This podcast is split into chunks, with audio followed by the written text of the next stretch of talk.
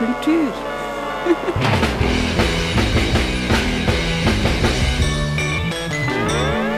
Hei hopp, sommeren er topp, men nå er det høst. Hei Sunniva, og hjertelig velkommen. Hei Magnus, så kjekt å se deg her i høstens første sending av Skumma kultur. Ja, for i dag så har vi en eh, veldig stor varieté av forskjellige miks og triks, og det blir mye forskjellig, men godt. Ja, vi har vært og hørt på Tore Rennberg, som er tilbake i Bergen, en kort visitt på kvarteret. Mm. Vi har også vært eh, på sirkus og opplevd hvordan eh, det fungerer. På, på hvilken måte er sirkus eh, kultur?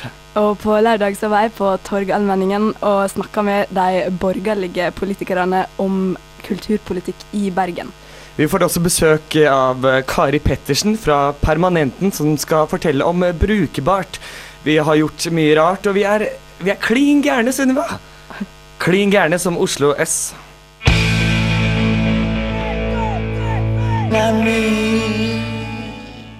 Onsdag 17. august var Tore Rennberg tilbake i byen.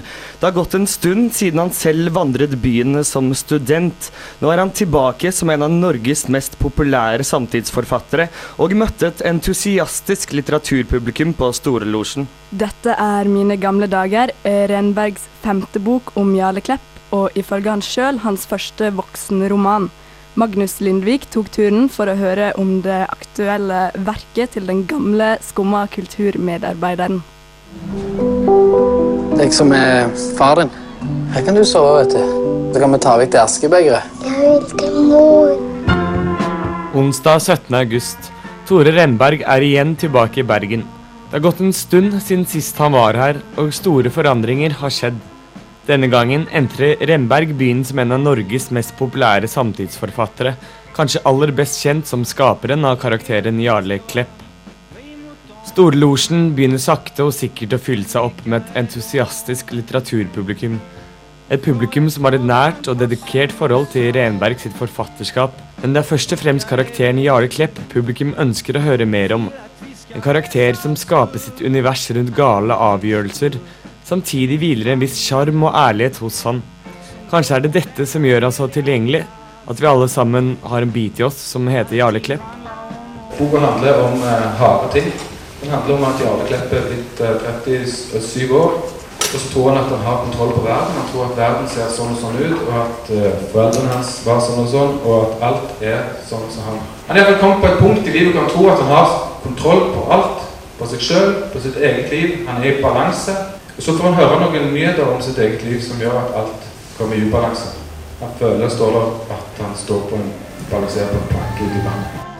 Renberg leide lytterne gjennom hans studietid i Bergen og hans opplevelser av byen, av hans møte med litteraturen og ikke minst hans møte med seg selv i en annerledes periode i menneskets liv, nemlig studenttiden.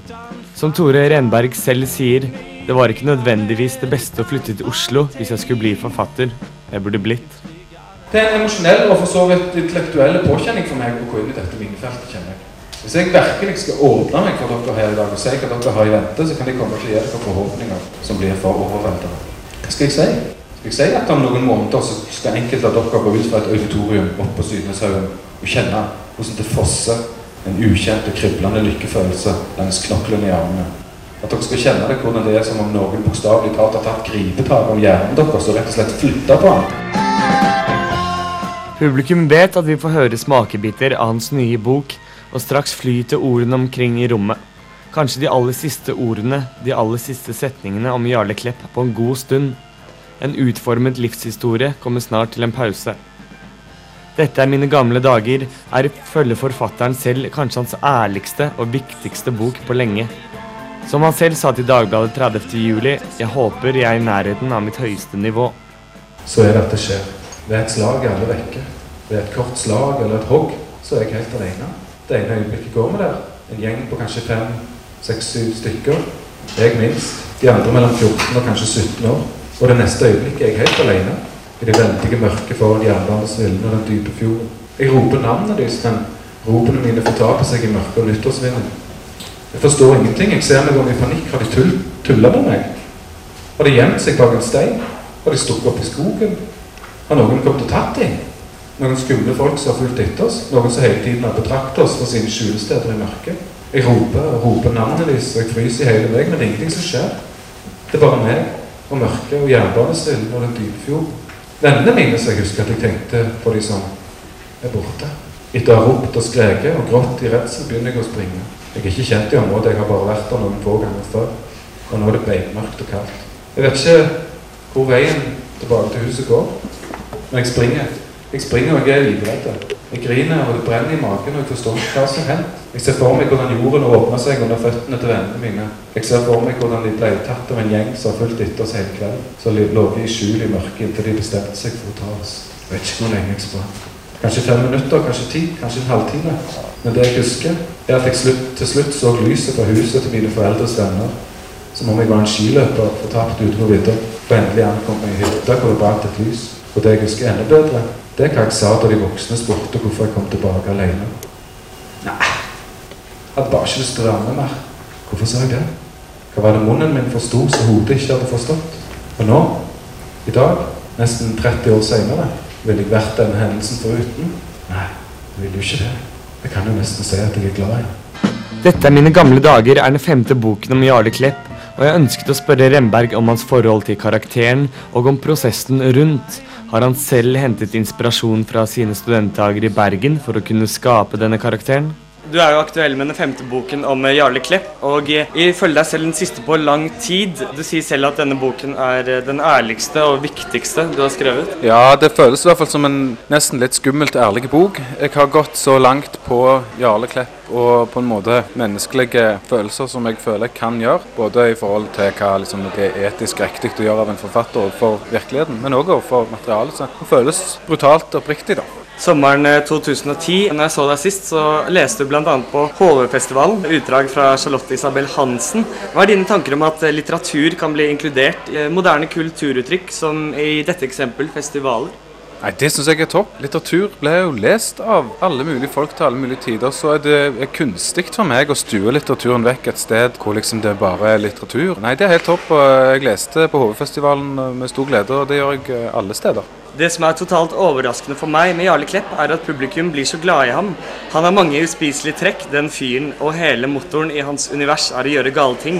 Du sa det den sommeren om Jarle Klepp. Har du selv hentet inspirasjon fra din studenttid i Bergen?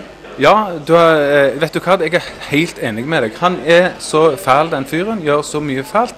Og det er et stort mysterium for meg i det hele tatt at, at de kan orke å ha noe mer enn å gjøre. Er han et typisk eksempel på et annerledes tidsrom i et menneskets liv, denne studenttiden? Ja, det tror jeg. For mange at det vil være et spesielt sted, en spesiell tid i livet, et eget rom hvor vesentlige og viktige ting skjedde som aldri kommer til å skje igjen. Ja, det tror jeg. Mye forandringer, kanskje? Ja, det tror jeg òg. Du var jo student i Bergen og skaffet deg erfaring fra Studvest og radioen, som du fortalte om.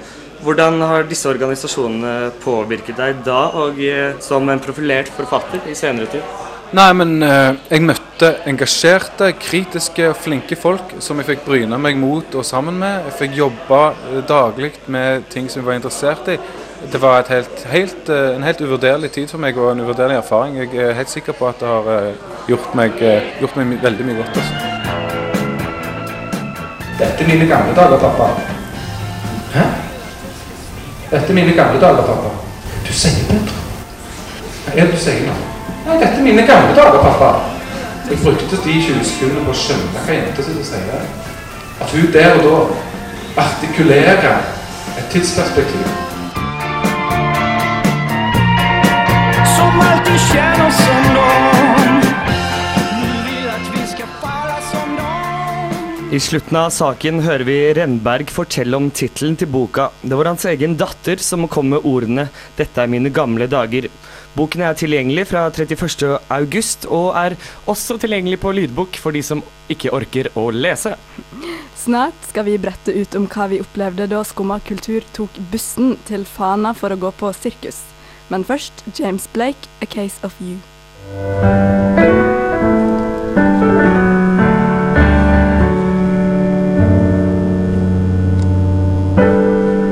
Just kan vel ikke finnes en bedre måte å starte høsten på enn med gode James Blake. Eh, fantastiske A Case of You. Da vi i Skumma fikk invitasjon til sirkus, eh, så kunne vi ikke takke nei, selv om vi kanskje var litt redd for å bli skuffet. Ja, det var ikke uten en viss skepsis at vi satte oss på bussen til Fana forrige uke. Ville sirkuset framstå like fargesprakende som i barndommen, eller ville glansen ha forsvunnet i alt veistøvet i åra som gikk? Elefanter på Fana, eh, ikke dagligdags kost. Vi tok en prat eh, med Arne Arnardo, som er altså daglig leder for Sirkus Arnardo. Velkommen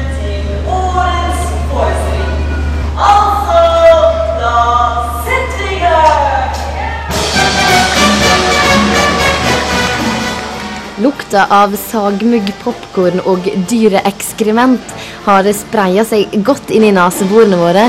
Storbandmusikken spiller i lystig takt, og tre journalistspirer har inntatt plassene sine fremst i sirkusteltet. Vi spurte daglig leder Are Arnardo om hva sirkus er for han. Det er en livsstil. Det er noe jeg har vokst opp med. Jeg er nå 40 år og jeg er født i mai, så jeg er vel født inn i sesongen. Så det er noe jeg har holdt på siden jeg var liten. Hva ønsker dere å vise fram med denne forestillingen her? Det vi ønsker å vise fram eh, med denne forestillingen, det er at vi vil eh, skape magi i to timer. Som eh, publikum får lov å slappe av og tenke på andre ting enn sine hverdagslige problemer. OK, snabel. Snabel i lufta. Nei, nei, nei. nei. nei. er Jeg OK, OK, elefantting. Å nei, å nei, bak deg. Elefanten er revolusjonær. Den vifter med et rødt, en rød serviett. Ingrid Sinskom karriere gikk i vasken når hun ble velta av en elefant. Nesten nedmeid av en elefantsnabel der, altså. Ikke tvil om at latteren lå løst etter dette nærmøtet. Sirkus er underholdende, men er underholdning umiddelbar kulturelt? Og på hva måte er sirkus kultur? Kultur er jo det at det, det ligger eh, mye trening bak. Og det er jo artister som har eh, da holdt på mange, mange år. Og det at vi sprer glede, og også er at vi er oppsøkende i forhold til andre som er stasjonære. Ei dame som står eh, i spagaten på hodet til to elefanter. Er nærmere Skummalosjen. Det er derfor Ingrid sitter foran. Yeah. Nærmer seg til stadiet. Ah! Herregud, det kommer mot oss.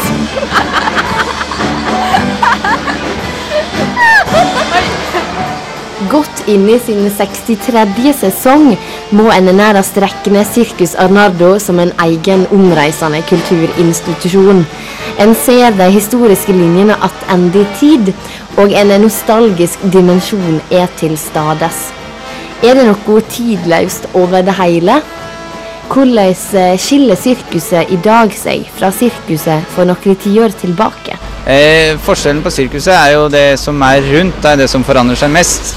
Magien og stemningen og, og de tradisjonene som vi skal ta vare på, er jo det som skjer i, man, i manesjen. Og de er jo nesten de samme som fra i fjor som til 20-30 år siden.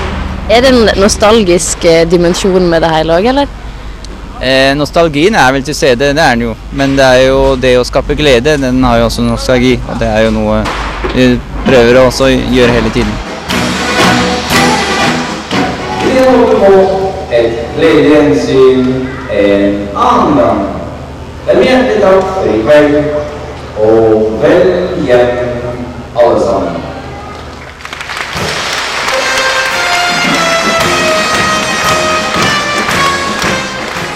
Reporter i saken var altså Ingrid Margrethe Thorvaldsen. Og eh, Sunniva, hvordan kan vi egentlig beskrive det her? Hvordan var det? Det var, det var veldig spesielt. Vi fikk eh, se bl.a. akrobater. Eh, en av dem ligna mistenkelig på Mr. Melk, vår helt her i Skumma kultur. Ja, og det viktigste er å se elefanter og Mr. Melk. Men Og, og du hadde jo store problemer med han eh, klovnen. Ja, for du har dette, der, dette aspektet med at når vi ikke har noe å gjøre, ja, da sender vi inn en klovn. Og da gikk Magnus ut. Ja, og han skal være med hele tiden, og det blir litt for mye i lengden for meg. Uh, over til noe helt annet, brød og sirkus. Vi skal senere ta for oss uh, borgerlig kulturpolitikk, Sunniva. Ja, eh, jeg har vært en tur i den politiske manesjen. Yes. Men først uh, ukas album, The War on Drugs Come to the City. Altså ukas album The War on Drugs Come to the City her i Skumma kultur.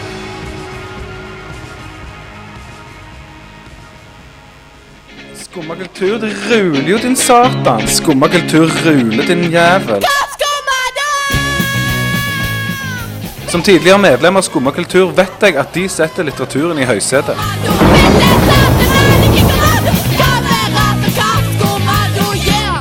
Yeah, Sunniva, du har ikke bare vært på sirkus på Fana og sett eh, elefanter og eh, irriterende klovner. Denne helgen så har du travet en runde i en, eh, hva skal jeg kalle, en politisk manesj på Torgallmenningen.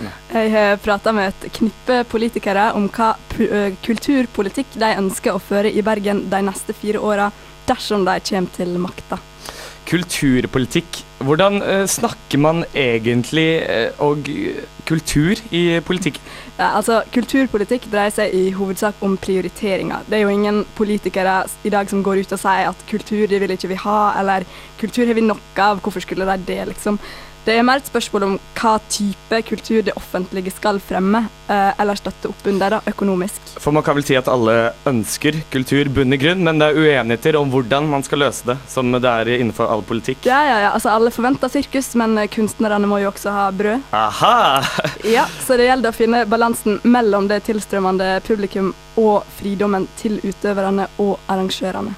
På Torgallmenningen så er det jo et hav eh, av boder. Eh, Hvem har du besøkt? Eh, På lørdag så snakka jeg med representanter fra de borgerlige partiene Høyre, Frp og KrF. Dette er de partiene som da fikk flertall i Bergen ved kommune- og fylkestingsvalget for fire år siden, og som har utgjort Bergen byråd. Vi kan høre hvordan de borgerlige representantene svarte på Sunniva sine spørsmål. Torgallmenningen lukta av traktekaffe, nysteikte vafler og våte finerplater, og valgkampen er i gang i Bergen by. Denne lørdagen trekte Skumma kultur ut på gatene for å orientere seg i de borgerlige partiene sin kulturpolitikk. Bergen Høyre har siden valget i 2007 fylt stillinga som byråd for kultur, idrett, næring og bedrift med sine representanter. I sitt program roser de Bergen for å være Nordens mest spanende kulturby. Vil dette bli annerledes dersom opposisjonen nå får overtaket? Geir Kaland er oppført som nummer ti på Bergen Høyres liste til kommunevalget, og vil ikke svare på dette. Eh, Ja, nå er vi mer opptatt av hva vi ønsker å gjøre enn eh, opposisjonen eh, og hva de vil gjøre. Og vi vil kjøre videre på den linjen som vi har ført. Og kulturbystatusen til Bergen den ønsker vi å styrke ytterligere. Hvem prioriterer Bergen Høyre høyest i sin kulturpolitikk? Utøverne eller publikum? Eh, Det går ikke an å sette de opp mot en annen, for det, det er viktig også å få de til å fungere sammen. Så eh, vi eh, prøver jo også å tilrettelegge, og vi er jo ikke bare opptatt av de store, tradisjonelle kulturinstitusjonene, de er viktige de også, men også de små å tilrettelegge. F.eks. Øvingslokaler for, for musikk, sånn som ute på, eh, ut på Bontlabo er det jo laget, og, og masse andre sånne mindre ting. Da. Så det er jo absolutt eh, viktig. Og det er klart at Men publikum er jo en viktig del av det også. Og vi ønsker jo at publikum skal bruke alle disse kulturtilbudene. I programmet deres satser dere mye på et godt kulturtilbud til barn og ungdom. Hva med Bergens mange studenter? Ja, Vi føler jo at mye av det, det tilbudet som er, også er tilrettelagt for eh, studenter. Og studenter er vel noen av de som bruker eh, alle tilbudene. Og det er jo en veldig bredt sammensatt gruppe, studentene også. Interessen i mange, går i kanskje mange retninger. Så vi føler vel at vi har et rimelig godt tilbud til studentene også. Og håper de trives med de tilbudene som vi har. Høyre legger stor vekt på å opprettholde Bergens status som kulturby. Deres flertallsfeller i Bergen KrF legger også opp til et program som skal gjøre Bergen til et kulturelt gravitasjonsfelt. I alle fall når det gjelder å trekke masse publikum til byen med de store arrangementene og kulturarenaene. Dette skal ligge til grunn for økt kulturbasert næringsutvikling, mener Philip Rygg, som er Bergen KrF sin første kandidat i årets valg. Absolutt. Eh, Det er ikke det viktigste for vår kulturpolitikk. For det aller viktigste for vår kulturpolitikk er det en innsats som gjør rett mot barn og unge. Så Der er vår hovedsatsing. Men det er klart store arenaer kan være bra for Bergen som eh, en by som kan tiltrekke seg arrangement. Og vi vet at det gir både turisme og tilreisende, men det gir også en eh, boom for næringsliv, for butikker osv. Så, videre. så det er mange positive sider med det. Men det er ikke det viktigste kulturpolitikken. Det er satsing på barn og unge. Bergen KrF går inn for et felles sentralt informasjons- og billettkontor for alle byens kultur- og idrettsarrangører. Hva er fordelen med dette? Poenget er å gjøre det enklest mulig. Enklest mulig for de som eh, skal selge billetter, og enklest mulig for de som skal kjøpe billetter. Eh, Og Kan vi gjøre det enklere, så er det også grunn til å tro at det vil gi både flere som får oppleve kulturarrangement, og det vil også gi god økonomi for de som har kulturarrangement. Og dette vil ikke kunne true konkurransen i kulturnæringa? Nei, Jeg tror ikke det. Det som er viktig med sånne fellesordninger, er at de gjelder for alle. Sånn at, eh, at det blir lik konkurranse for alle. Vi må ikke ha konkurransevridende kommunale tiltak, men at vi har åpne eh, tiltak som gjelder for absolutt alle. KrF vil prioritere den frivillige delen av kulturlivet. Er det de frivillige initiativtakerne som skal holde de smale kulturuttrykkene ved hevd? Nei, jeg tror at eh, som det offentlige så må vi passe på at det er rom for alle kulturuttrykk. At det finnes et eh, støttenivå som gjør at det er mulig for flere. Men det er klart at den frivillige delen av kulturlivet den, eh, den lever i beste velgående i Bergen. eh, Og det krever også at det offentlige ikke gjør det vanskeligere å være frivillig, men gjør det lettere. Og Da handler det om økonomisk støtte, men det handler også om velvilje når man ønsker å bruke et byrom, velvilje når man ønsker å bruke kommunale lokaler, eller velvilje når man ønsker å gjøre noe spennende stunts for å markere seg og profilere sin, sine uttrykk.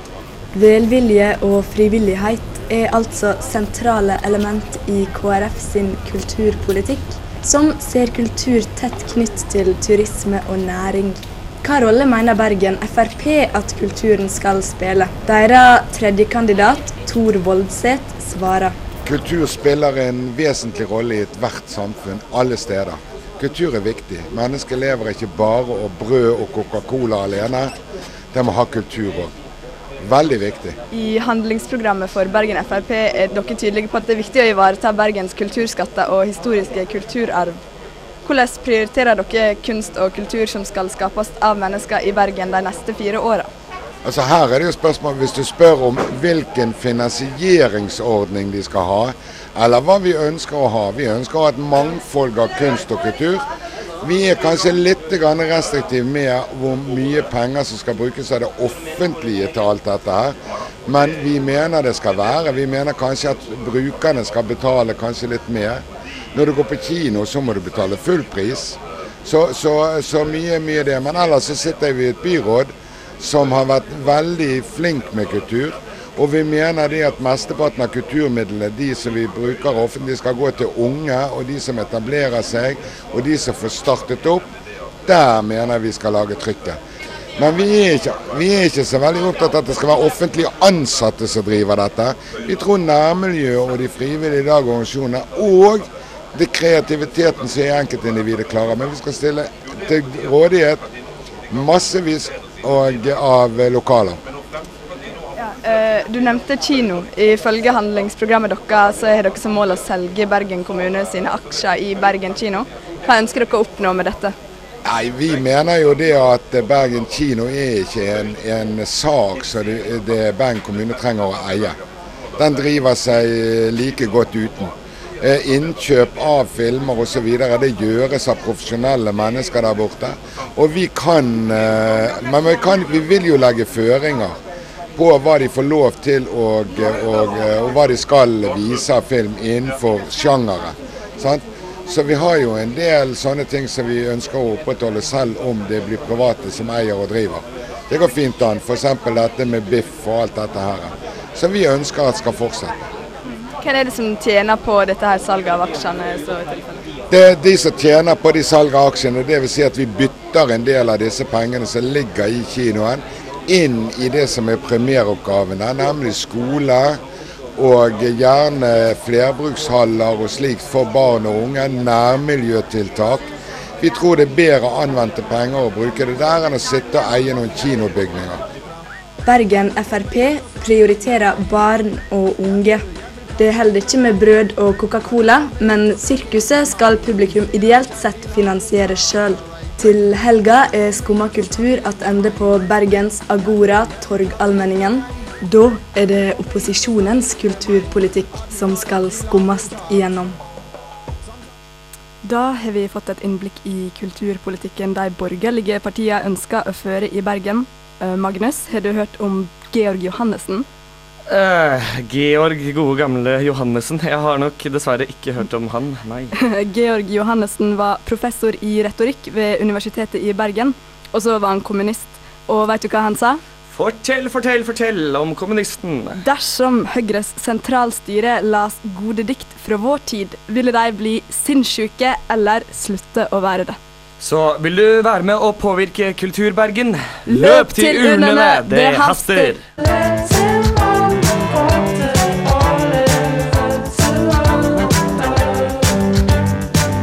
Livet er for kort, det haster av Casio Kids.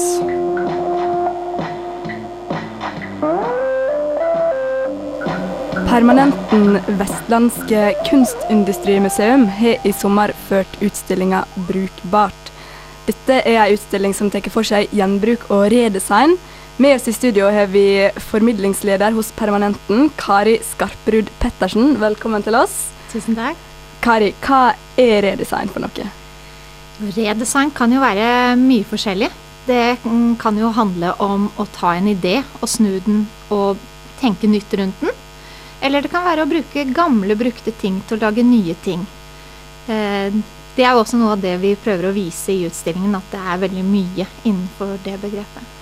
Er det mange i Norge som driver med redesign? Um, er det en del av dagens designutdanning? Ja, jeg vil si det at det er en viktig trend innenfor eh, designfeltet. eh, og også innenfor kunst. Altså dette her med å bruke brukte gjenstander. Hvis vi tenker på gjenbruksdesign, da.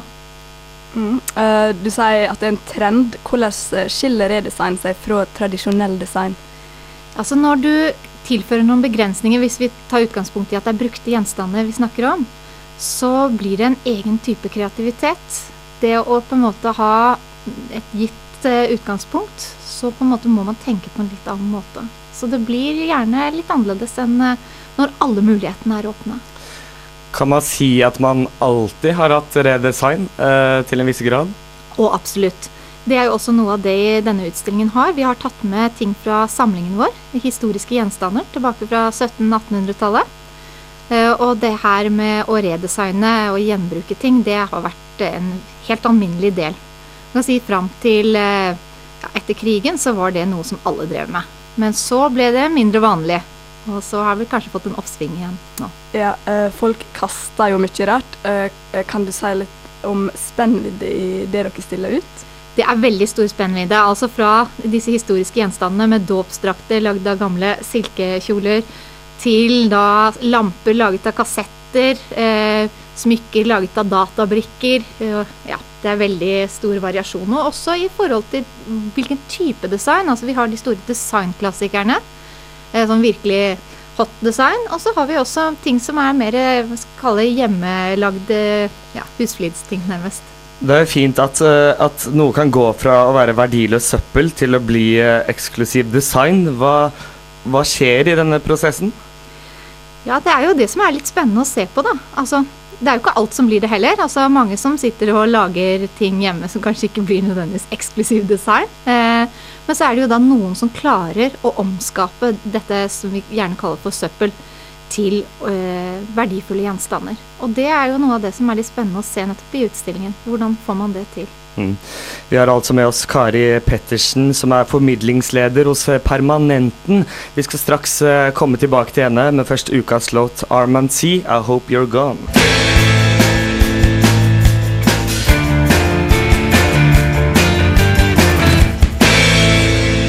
Ukas låt på studentradioen i Bergen, Armen C, I Hope You're Gone. I studio har Skumma kultur fått med seg formidlingsleder hos Permanenten, Kari Pettersen. Permanenten er for tida aktuell med utstillinga Brukbart, som tar for seg redesign. Og på nettsidene deres skriver dere om bloggen Ikea Hackers. Hva er det her? Jo, det er et uh, spennende konsept. Det er et slags sånn type nettfellesskap hvor, hvor folk legger inn bruksanvisninger på hvordan man liksom kan hacke Ikea sine produkter. Kan man kjøpe billige ting der, og så kan man lage ny design ut av det. Så vi har bl.a. med en eh, veldig stilig lampe som er laget av disse 29 kroners plastlampene. Og så blir det til en eh, fantastisk lysekrone. Hvordan er eh, de nye produktene annerledes enn det materialet de er laget av? Er de mer nødvendig? Nei, jeg vil vel kanskje ikke nødvendigvis si at det er det som er hovedfokus. Det er ikke sånn gjøre de smartere eller bedre løsninger. Det finner du også på denne siden, men det er nok mer det kreative og det å få noe annerledes og unikt som er i fokus på Ikea Hackers. Eh, eh, hva med design som, eh, som ikke er nødvendigvis brukbar? Altså, Har pynt for pyntens skyld blitt et slags estetisk tabu? Ja, altså jeg vet ikke om estetisk tabu vil jeg kanskje ikke bruke, men det er klart at eh, eh, kanskje det der med Nips-kulturen og sånt nå, som eh, hvis vi går litt tilbake, som var veldig viktig, så er det, eh, har det kanskje fått en liten oppsving faktisk i dag. Altså at man stiller ut ting som ikke har noen funksjon, og som det at det på en måte man vet at kanskje det er stygt, det er i seg selv litt interessant, liksom. Så Men, men eh, vi lever jo i et samfunn der eh, overflod eh, er et vanlig ord. Har dagens samfunn en for vid definisjon på hva søppel er? Ja, det, altså man må i hvert fall gjøre noe med søppel. Altså Det her med resirkulering har vi jo blitt ganske flinke til, men vi kan fortsatt gjøre en del. Men vi resirkulerer veldig mye i dag. Og det er jo veldig viktig da å se på det mer som råmateriale for nye ting. Uh, søppelproblematikken er jo over hele verden noe som vi må ta tak i. Man kan også på en måte si at man vil eh, prøve å sette et eh, fint eksempel med denne utstillingen. Ja, på en måte, men samtidig så er det nok eh, mye dette her med redesign som metode vi også ser på. Så er det selvfølgelig det moralske perspektivet, men vi har valgt å dele de inn i fire hovedkategorier. Det er metode, mote, moral og mangel. Så alle de sidene belyses da i utstillingen. Mange, eller har du lyst til å utdype det? Ja, altså i vår del av verden så er det vel ikke så mange som redesigner pga. mangel. Men i eh, u-land f.eks. så er jo det fortsatt et problem. Altså at man har ikke gjenstander, og så blir man kreative fordi man mangler noe. Nødlærer, naken kvinne og spinne? ja.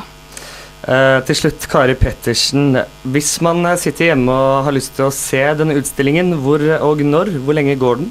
Den har siste uken eh, denne uken, så den går fram til søndag. Og det er åpent fra 11 til 17.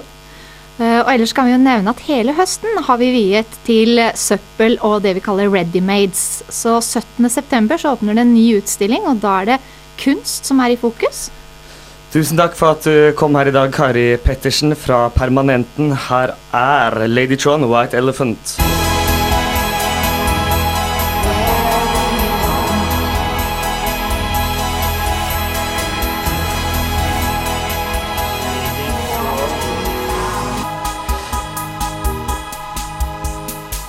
Ja, Sunniva. Sendingen den eh, begynner å nærme seg slutten med korte, lange eh, småsteg, eller hva man skal si. Og for ei variert sending det var. Det var både, både korte og lange steg. Ja, det har vært alt fra sirkus til eh, gode gamle Tore Renberg og kulturpolitikk. Ja, vi snakka med de borgerlige partiene, og vi kan allerede nå avsløre at neste uke skal vi høre på hva opposisjonen i Bergen mener om kulturpolitikk de Mm. neste fire åra.